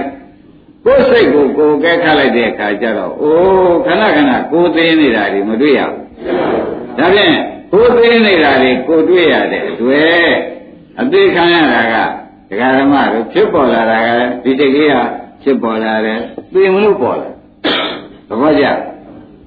အကဲခတ်လိုက်တော့သေသွားတာကမသိရဘူး အဲပေါ်လေကသူဒုက္ခသစ္စာပြည့်သွားတော့ပေါ်လာပြန်တော့ပြည့်သွားပြန်အဲကိုယ်စိတ်ကိုကဲခတ်တဲ့အခါကျတော့ကိုယ်ဒုက္ခကိုသိတယ်ဆိုပြီးဉာဏ်တက်လာပါတယ်အနိစ္စမဟုတ်တော့ဘူးဒုက္ခသစ္စာပဲရောက်သွားပြီအကဲခတ်ပါများတော့ဘယ်ပဲရောက်ပါလိမ့်ဒုက္ခသစ္စာပဲမရောက်ဘူးလားဒါဖြင့်အကဲခတ်ခံရတဲ့ကဒုက္ခသစ္စာအကဲခတ်တာကအကဲခတ်ခံရတာက အဲအကဲခတ်တာကမေဃသစ္စာဆိုတော့ဩ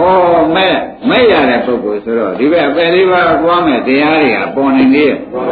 ဒါပြန်အပယ်လေးပါးတွေကိုစိတ်တို့ပြပြုတ်သွားပဲဒါပြန်အပယ်လေးပါးလို့ကျင်လို့ရှိရင်ကိုယ်စိတ်ကိုအကဲခတ်ပါဒုက္ခသစ္စာလားဒုက္ခသစ္စာလားလို့အကဲခတ်ပါဥက္ကမောရေပေါ်လားဒီနေ့လုတ်တရားကြီးပဲပြောနေတယ်ဆိုတာဓမ္မတွေကြည်ကျင်တဲ့သဘောကျကိုယ်စိတ်ကိုအကဲခတ်ပါဆိုတာ ကိုယ်စိတ်ဆိုတာကိုယ်သေးတာကိုယ်အကဲခတ်ခိုင်းဘာအကဲခတ်ခိုင်းပါလဲကိုယ်သေးတာကိုယ်အကဲခတ်ခိုင်းတာပါခင်ဗျားတို့ကမသေးဘူးထင်နေလို့နော်ကျုပ်ကတော့ဗေဒမေခါရ90ကျော်မှသိမယ်ကြာခွန်ဆက်ငန်းနဲ့နေရလိမ့်မယ်လို့အဲ့ဒါဒီယုံနေနဲ့အဲ့ဒါဒီမယုံမှန်းတဲ့ဓမ္မတွေကဒီကိုယ်စိတ်ကလေးခဏလေးပေါ်လာပြီးအခုချုပ်သွားတာဒီကားလို့ရှင်ကိုယ်သေးတာလို့မှတ်ပါ ရှင်းမလားကိုယ်စိတ်ကူပေါ်ပြီးကူချုပ်သွားတာဘာဆိုကြကိုယ်သေးတာဒီကားလို့ဆိုရင်ကဲနောက်စိတ်သာမလာဘူးဆိုလို့ရှိရင်ဥက္ကမကိုယ်သေးဟုတ်မဟုတ်အကဲခတ်တဲ့စိတ်နဲ့မအကဲခတ်တဲ့စိတ်မလာတော့ပါဘူးလို့ဒကာဓမ္မတွေမှာစိတ်စဉ်ပြတ်သွားရင်ဘယ်နဲ့ဆိုကြဒါဖြင့်ဒီဒီဒီစိတ်တွေပြီးနောက်တစ်စိတ်ပေါ်လို့ရှင်းနေတာပေါ့ဗျာဒီဒီစိတ်ပေါ်ပြီးနောက်တစ်စိတ်ရှုတဲ့စိတ်မလာရင်ဒါဖြင့် ကိုယ့်အသေးဟာဘာသစ္စာအဲရှိကသေးတာကမွေးပြီးသေးလိုက်မွေးပြီးသေးလိုက်ကဘာသစ္စာအဲ့ဒါကိုမြင်ကြည့်တဲ့ဉာဏ်ကအဲဒါဖြင့်သစ္စာကိုအရှုခိုင်းတာလို့မှတ်လိုက်စမ်းပါဘာအရှုခိုင်းပါလဲဒီနေ့တရားဒကာဓမ္မတို့အလုတ်ခွင်မှာအကောင်းဆုံးလို့မှတ်စမ်းပါအလုံးလုံးတဲ့ပုဂ္ဂိုလ်မှာပြန်အကောင်းဆုံးလို့ဒကာဓမ္မတွေမှတ်စမ်းပါဖြစ်ဖြစ်ဆိုတာဘာသစ္စာလဲ အဲသူများဒုက္ခသစ္စာလားမိမိဒုက္ခသစ္စာလားအဲဒီလိုသိလာတဲ့ခါကျတော့ကိုယ်စိတ်ကလေးနဲ့သက်ရှင်နေတာဒီစိတ်ကလေးကဖြစ်ပြီးပြတ်သွားတဲ့ဒုက္ခသစ္စာပဲဒီကဲကိုသိပြီးဒီကလာသွားတဲ့ခါကျလို့ရှိရင်ဩဖြစ်ကလည်းဒုက္ခသစ္စာအပြက်ကလည်းအကဲခတ်တဲ့စိတ်ကဘာသစ္စာအကဲခတ်တဲ့စိတ်ကမက္ကသစ္စာတဲ့ဘာကြောင့်လဲဆိုတော့ဒုက္ခလူသိလို့မက္ကဖြစ်တာ ဥက္ကမောရေဘာသိလို့ဘာဖြစ်တာပါလဲဒုက္ခသိလို့မက္ကဖြစ်တာဆိုတော့ဒကာဓမ္မတွေဝန်းထဲမှာဒီမက္ကသစ္စာကဒုတိယစိတ်မလာဘူးလားဒီမက္ကသစ္စာလာဖို့ရခင်ဗျားတို့ဘုရားရှိခိုးတယ်လေဘိုးဘွားတို့နဲ့မက်ဖို့ရပါလိမ့်ဆိုသူဝန်းထဲရောက်ရပါလိမ့်ပြောတာပဲတပည့်ကြလူရင်းလာတဲ့ဒုတိဒုဘဘိုးဘွားတို့နဲ့မက်ဖို့ရပါလိမ့်ဆိုတော့ဒီမှာဝန်းထဲရောက်ရပါလိမ့်လို့ဆိုတာပဲ သဘောကျအဲဟိုဟာတွေကတော့ဖြင့်ဟောဒီလိုဆရာကောင်းမမကောင်းနဲ့တွေ့ကိုခင်ဗျားတို့ဘူးကြီးပေးတယ်အခုကြီးပေးတော့ခင်ဗျားတို့အခုဒီညာမရဘူးလားရတဲ့အခါကျလို့ရှင်အစစ်ရတာကတော့ကိုယ်ပိုင်ရှုမှကိုယ်ပိုင်မဲ့ရမယ်ကိုယ်တိုင်ရှုမှကိုယ်တိုင်ရှုမှကိုယ်ပိုင်မဲ့ရမယ်ဆိုတာကသိကြပါလားဒါဖြင့်မဲ့ရခြင်းရှုကြ သဘောကျကြမဲ့ရခြင်းပါလို့ကြမရှုရင်ရလိမ့်မယ်လို့ဘယ်သောကာလမှာဘုန်းကြီးတွေကဓမ္မတွေကစိတ်ထဲမှာမဥပပါနဲ့ရနိုင်ပါဒုက္ခသစ္စာမှမမြင်မဲနဲ့မက္ခသစ္စာဝင်နေဝင်လာပါမဝင်နိုင်ဘူးဆိုတာသိကြပါလားအဲ့ဒါဓမ္မတို့မက်ပုဂ္ဂိုလ်ဆိုတာဝင်နေမှဒီမဲ့ရောက်တာဖို့ပုဂ္ဂိုလ်ဆိုတာလည်းဒီမဲ့ပြီးဖို့ဝင်လာလို့ဖို့ပုဂ္ဂိုလ်ဖြစ်ရတာ ဒီရှုတဲ့ပုဂ္ဂိုလ်မှဝင်လာတယ်ဆိုတာကိုသိကြပါလားမရှိတဲ့ပုဂ္ဂိုလ်ဝင်လဲရောက်ပါအဲ့ဒါမက်ပုဂ္ဂိုလ်ဖြစ်ခြင်းနဲ့မက်ဝင်လဲရောက်အောင်လုပ်ပါဖို့ပုဂ္ဂိုလ်ဖြစ်ခြင်းရောဖို့ဝင်လဲရောက်အောင်လုပ်ရလိမ့်မယ်ဆိုတာသိကြပါလားအဲ့ဒါမဲ့ရောက်ရင်ဖို့ရောက်တာဧကံပါပဲဘာမှခင်ဗျားတို့တန်ရမရှိပါနဲ့ရှင်းမလားဒါဖြင့်ဖြစ်ပြပါသစ္စာရှုတဲ့ညာအကဲကတဲ့ညာဒါဖြင့်ဝန်းနဲ့မရောက်သေးဘူးလားရအဲ့ ဒီမဲ့ဒီ၅ပါးက၈ပါးဖြစ်သွားတဲ့ဒီနေ့မှာသောတာပန်အဖြစ်ဖြစ်တာပဲသဘောကျ၅ပါးက၈ပါးဖြစ်သွားရင်ကြည်နှက်ကြဒါဖြင့်မဲ့ရကိုအရေးရဒကာဓမ္မတို့အကဲခတ်တဲ့အရေးပါလားမဲ့ရကိုအရေးရအကဲခတ်တဲ့အရေးဆိုတာသိကြကြဘုရုကိုအကဲခတ်ရမှာပါလေကိုယ်စိတ်ကိုကိုယ်ကဲခတ်ရင်မရပါနဲ့ဒကာဓမ္မတို့ ကိုယ်စိတ်ကိုကိုယ်ကဲခတ်ရင်ဘာကြောင့်လုံးလို့မဲရတယ်လို့ဆရာဘုန်းကြီးထပ်ပြီးရှင်းရပြန်တုံးလို့မေးတဲ့အခါကျတော့ပထမဒီဥစ္စာကမိမိစိတ်ဒါလည်းမိမိစိတ်ပဲဆိုတော့နှစ်စိတ်ကပြန်ပေါ်ကောင်းတယ်ဒါဖြင့်ဒီစိတ်ချုပ်ပြီးမှဒီရှုတဲ့စိတ်မပေါ်ပဲဘူးလားဒါဖြင့်အရှုခံရတဲ့စိတ်ဒီဒကာဓမ္မတွေဒုက္ခရောက်တာမှဟုတ်ကဲ့လားဒါဖြင့်အရှုခံရတဲ့စိတ်ကဖြစ်ဖြစ်ဒုက္ခဖြစ်ဒုက္ခနဲ့ချုပ်သွားလေရဲ့ သူ့ဘာသစ္စာအဲရှုတဲ့ဉာဏ်ကဘာဆိုကြအဲ့တော့ဒါရရကိုအရေးကြီးနေတာပဲဟိုတန်တရားပြတ်ဆိုတာမကသူ့ဟာသူပြတ်သွားမှခင်ဗျားတို့ကဖြတ်ပါဆိုလို့သူဖြတ်မှာမဟုတ်ဘူးသဘောပါကြကောင်းပြီဒါဖြင့်ယနေ့အကဲခါမှစိတ်ကောင်းတာဘယ်လောက်တယ်တရားဓမ္မအဲကုသရှင်မှာဒီ45ပဲလာမှဒါတွေ့မှလာမှတော့တွေ့ဆိုရင်မလာသေးဘူးတွေ့ဆိုရင်39လောက်ကလာတယ် ရှင်းမလားဒီအိမ်ကိုအခု45လို့ဘုန်းကြီးကပြောလိုက်ပါတယ်အဲ့ဒါဒီကိုယ်တဏ္ဍ45လာတာကိုနောက်ကနေပြီးအကဲခတ်တဲ့မဲခင်3ပါးမဲခင်5ပါးနဲ့အကဲကခတ်နေလို့ရှိရင်ဖြင့်ဒကာဓမ္မတို့မဉ္ဇဉ်ပညာအိမ်မော်ရင်ရပါမယ်နှင်းဖြစ်ရင်လည်းရပါတယ်သမင်းဖြစ်ရင်လည်းရပါတယ်အချုပ်ရင်ရပါတယ်ရောင်းရင်ဝယ်ရင်လည်းရနိုင်ပါတယ်ဆိုတာသဘောကျအကဲကခတ်နေနော် ဘယ်သိပေါ်ရရောကဲခတ်ရှိသေးလားမရှိသေးလားဥက္ကမောင်ပါလို့ပါမှာလားနောက်ကဒကာဓမ္မတွေရှိမရှိကဲခတ်ပါနော်တိကိုနှင်းတယ်ကဲခတ်ပါဘယ်လိုမှတ်ကြတစ်ကိုနဲ့နဲ့အခဲကတော့တစ်ကမရှိဘူးပြောတာပဲနှစ်ကမရှိမှန်းသိလာတာပဲတစ်ကနှစ်ကဒါဖြင့်မရှိတာဒုက္ခသစ္စာဖြစ်ဒုက္ခပြဒုက္ခနဲ့မို့ရှိသေးရဲ့ မရှိတာဒုက္ခသစ္စာအကဲခတ်တာကဒါရင်မဲရတာဒီဓမ္မအကဲမခတ်တဲ့ပုဂ္ဂိုလ်မှရသလားအကဲခတ်မှရသလားဩဒါဖြင့်ကျင့်납ပြီဓမ္မတို့ကျင့်납ပါပြီဒီဟာလုတ်တရားပေးပြီးပြီနော်အဲ့တော့ဘုဝတ္ထုကိုပြန်ပေးတဲ့ကာလဓမ္မတွေဆက်ကြပါလို့ဆိုတော့ဒီထက်ကွင်းရမှာပဲခွန်မောင်တို့တကားသစ်တယ်နော်ဒီနံပါတ် ဝဇ္ဇဗုဏ္ဏဝဇ္ဇပရမိုက်ကနေမေးလိုက်နော်ပထမနေ့ကပဲပြန်ပြောပါတယ်ဓမ္မတွေဒီနေ့သူ့သိမ့်မလို့ဒီကဓမ္မလူဟာလူတန်ရောစဉ်မစွန့်ပဲနဲ့နိဗ္ဗာန်ရနိုင်ပါမလားလို့ဝဇ္ဇပရမိုက်ကမမေးလောက်ခင်ဗျာမေးပါဗျာဓမ္မတွေဘယ်လိုမေးပါလိမ့်ဘုရားကဘယ်နဲ့ဖြေပါလဲမရနိုင်ဘူး ဘုရားကပါတယ်လေကတော့ဟုတ်တယ်ဘယ်ရမလို့ဓမ္မတို့ကဒီစိတ်ကလေးကိုဒီကနေပြီးဒီကလာကိုယ်စိတ်ကလေးကိုကိုယ်ခန္ဓာလေးကိုကိုယ်ခင်မယ်ကိုယ်ဆွဲလမ်းမယ်ကိုယ်အားထုတ်မယ်ဆိုရင်ရပါမလားဒါကလူကိုယ်လူကိုလူဆိုတာကဒီခန္ဓာ၅ပါးကိုလူခေါ်တာပါပဲသဘောကျကြ အဲ့ဒါဒီခန္ဓာ၅ပါးလူခေါ်တော့ဒါဝိညာဏခန္ဓာဆိုတာမသေးကြဘူးလားအဲ့ဒါကိုခင်မယ်ဆွဲလမ်းမယ်အားထုတ်နေမယ်ဆိုလို့ရှိရင်လူဟာလူပန်ရတဲ့သုံးခုစွန့်သေးရဲ့မစွန့်တော့မရနိုင်ပါဘူးမရနိုင်ဘူးတဲ့ဒီကံလာလို့ရှိရင်ဇာတိဇရာမရဏသာရမယ်မဲ့တော့မရဘူးဘာရမယ်လူတန်လူဟာလူတန်ရောစံမစွန့်မဲနဲ့နေကြလို့ရှိရင်ဒကာဓမ္မတို့ဘာရရှိ ရှင်းပြဒါကလူလူကိုလူကိုလူကိုကိုခန္ဓာကိုကိုခင်တယ်ဆွဲလန်းတယ်ကိုအားထုတ်တယ်ဆိုတော့တန်ရောစံကသုံးမှုမလာဘူးလားရှင်းပြီနော်လူဟာလူတန်ရောစံမစွန့်မဲနဲ့နိဗ္ဗာန်ရပါမလားဆိုတော့ဘုရားကဟောတာရမယ်တဲ့မရနိုင်ဘူးတဲ့ဇာတိဇရာမရဏလည်းရမယ်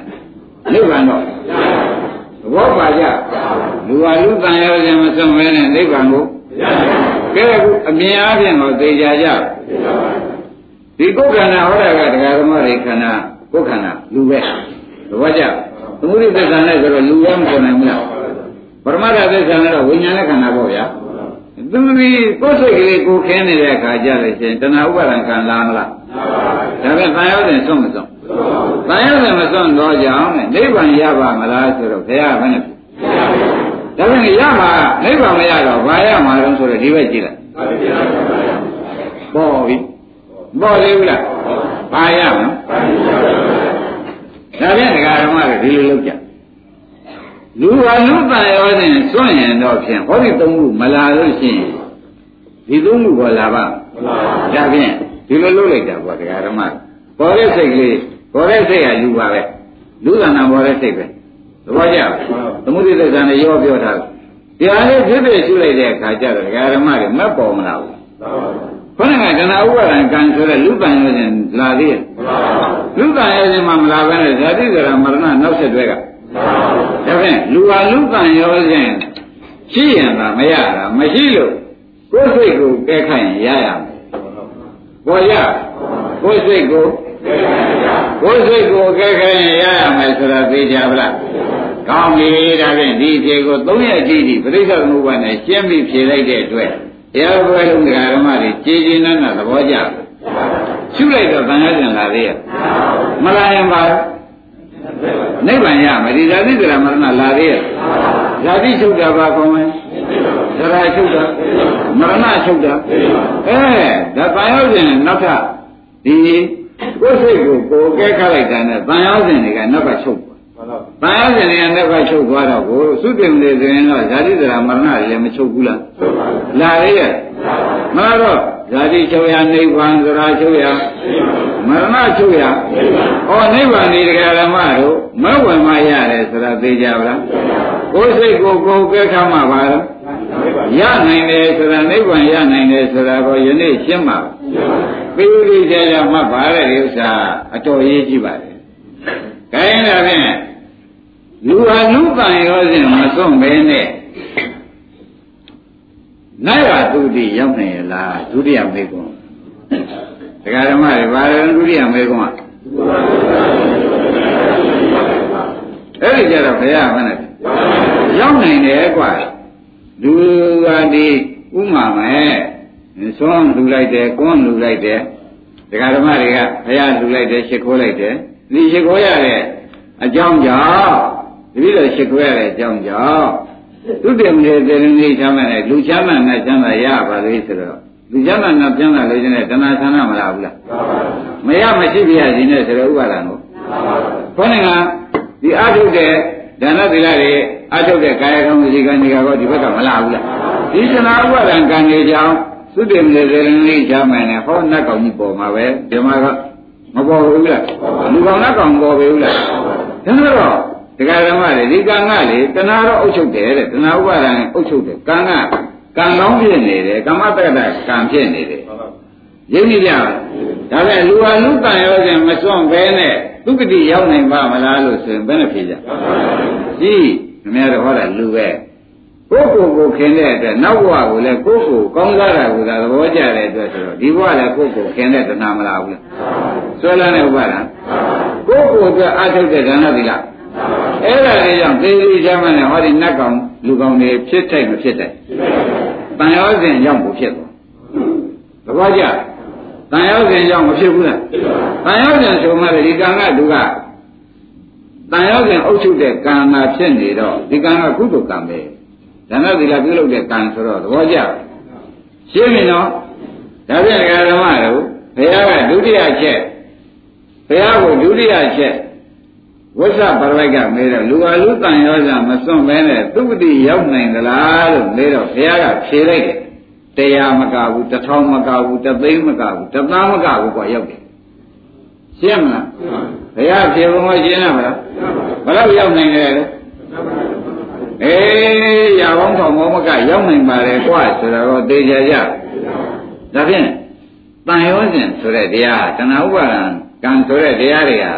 ဒကာဓမ္မတို့တဏှာဥပါဒံတွေဟာနိဗ္ဗာန်တော့တားတယ်သူပတိတော့ရောက်အောင်လို့တယ်မရှိပါနိဗ္ဗာန်ကြတော့သူပတိကြတော့ ရှင်းကြလားအေးဒါသေးချာသိတာတော့မှာတဲ့ဘာလို့လို့ခင်ဗျားတို့ဒီတဏှာဥပါဒမပါဘဲနဲ့ကံတွေကိုလှုပ်လို့ရှင်ဒီဒါနလူဘောရည်သူရတဲ့အတွက်ကျောင်းဆောရတဲ့အတွက်ဘုရားတရားတဲ့အတွက်ဇာတိဒရာမရဏတွေချုပ်ရငြိမ်းရသိမ်းရဖြစ်တဲ့နိဗ္ဗာန်ကိုသာရောက်ရပါလို့ဆိုတော့ဝိဝတ္တကံတွေလှုပ်လိုက်ပြန်တဲ့ဒီတဏှာပါရဲ့အဲဝိဝတ္တကံလှုပ်လိုက်ပြန်တဲ့ခါကြလို့ရှင်သူဒီဥပနိပြတတ္တိနဲ့အာကြီးတော်အကြောင်းနဲ့ ခြေစုပြုလိုက်တော့နောက်ဥပဒနာတွေလည်းရှုလိုက်တော့ရောက်သွားတာရိမ့်မိဗလားဒါပြန်ဥပဓမ္မကတော့သေသေးချာချာမဖြစ်ဘူးလားအဲဒါကတဏှာဥပါဒမပါရင်တော့ရောက်ပါလေဒါနစီကကံနေတယ်လေ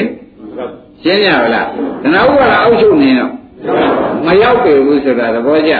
ဒါကြောင့်ဘုရားပရိတ်ကိုသေချာ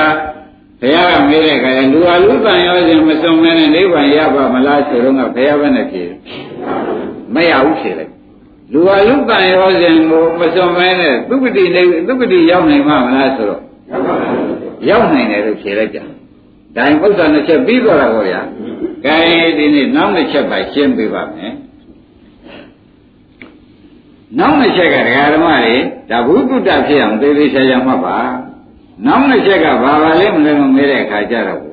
ကျွတ်တို့အဝုံးမို့တဲ့ပုဂ္ဂိုလ်တွေဥက္ကမောင်မြင်မှုမှာပေါ့ဗျာတရားကျင့်နေတဲ့အဝုံးမို့တဲ့ပုဂ္ဂိုလ်တွေ မရှိကြဘူးအင်းဒီအဒီပဲဒီကြတဲ့ခါကျတော့ဒကာသစ်တို့တူဦးကြုံမရှိကြမှာပေါ့ဗျာ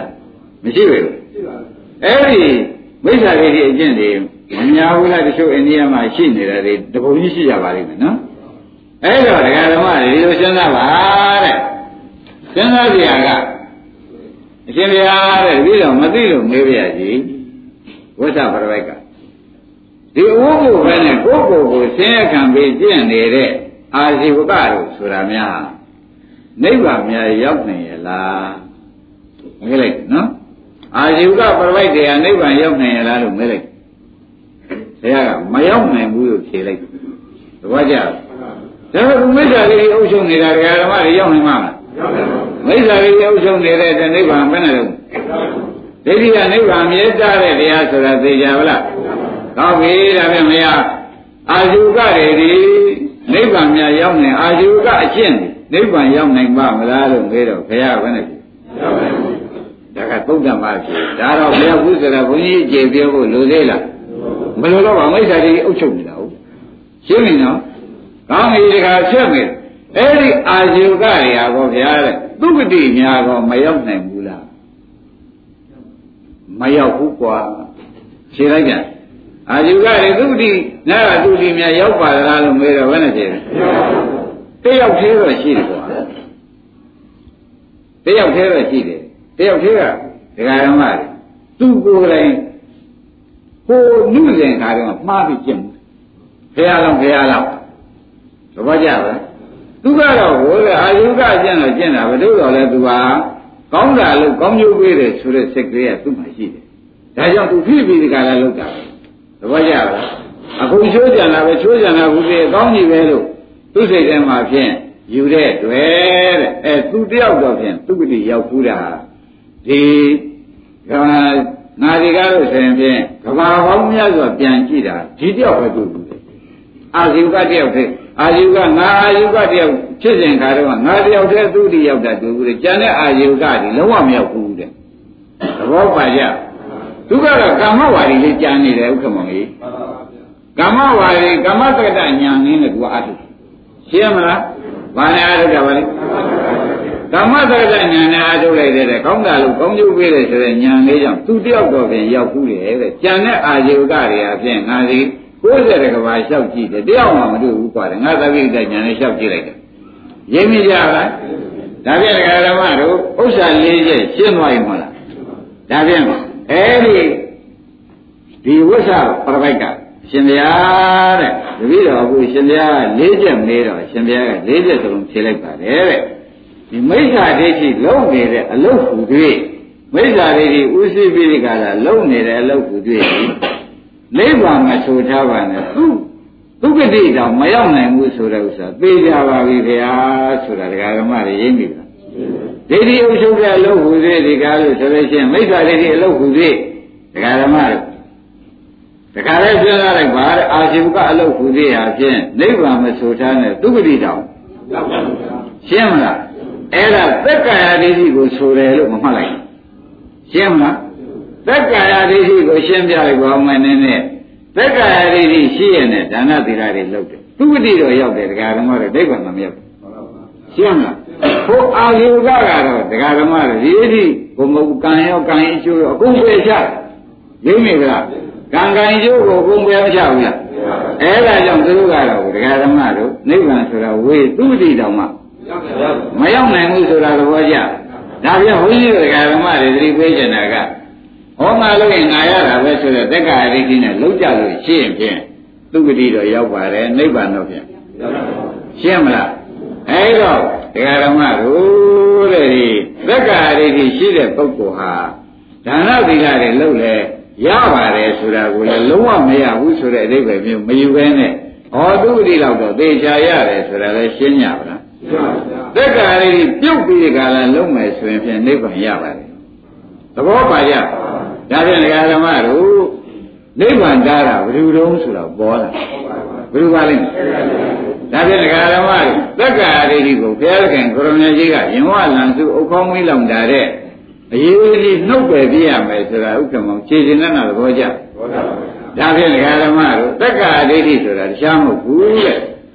ဒိဋ္ဌိတန်ရောစဉ်ပဲသဘောပါကြဒိဋ္ဌိကဘာပါလဲဒိဋ္ဌိသံယောဇဉ်ဖြစ်နေတဲ့အတွက်သံယောဇဉ်ဆိုတာကတော့ဘုရားဓမ္မတွေသိပြီးသားအတိုင်းဘုန်းကြီးပြောရလို့ရှိရင်ဖြင့် သမုဒိယတစ္ဆာဖြစ်နေတယ်မေဃဒိဋ္ဌိမသာနိဝရဏမဲတဲ့မေတ္တာတာဒီဒိဋ္ဌိကတာတာဒကာဓမ္မတို့မေတ္တာတာဘုရားတာပါအဲ့ဒါကြောင့်စိတ်ပေါ်မှာဘာအများဆုံးလို့ဒိဋ္ဌိအများဆုံးဖြစ်သောကြောင့်စိတ်ဖြစ်ပြနေရင်ဒိဋ္ဌိပြုံးမပြုတ်ပြုတ်လို့ရှိရင်ဒီဥပဒနာဒီသောတာပန်အမြန်ဆုံးသိနိုင်တယ်လို့သမောတက္ကရာဆရာဖွင့်ထားတာကိုရှင်း납ဒါ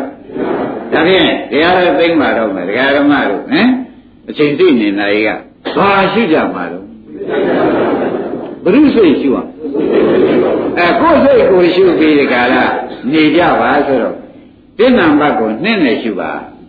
တစ်ကိုတစ်ကဖြစ်ဖြစ်တစ်ကဖြစ်ဖြစ်တစ်ကဖြစ်ဖြစ်ဒီတိုင်းကသွားနေလို့ရှိရင်ဥက္ကမဘယ်မှန်ဒိဋ္ဌိတွေလာနေသေးရဲ့ဒိဋ္ဌိဒိဋ္ဌိဒိဋ္ဌုပါဒံဟောလာနေသေးရဲ့ ဒိဋ္ဌိရုပ်ရုပ်တဲ့ကံတွေရောမကြခင်သောတာပန်တည်တိုင်းပါတယ်ဆိုတာဒကာဓမ္မတို့ဒီတိုင်းလာလို့ညနေရာတို့မနဲ့ရနိုင်တဲ့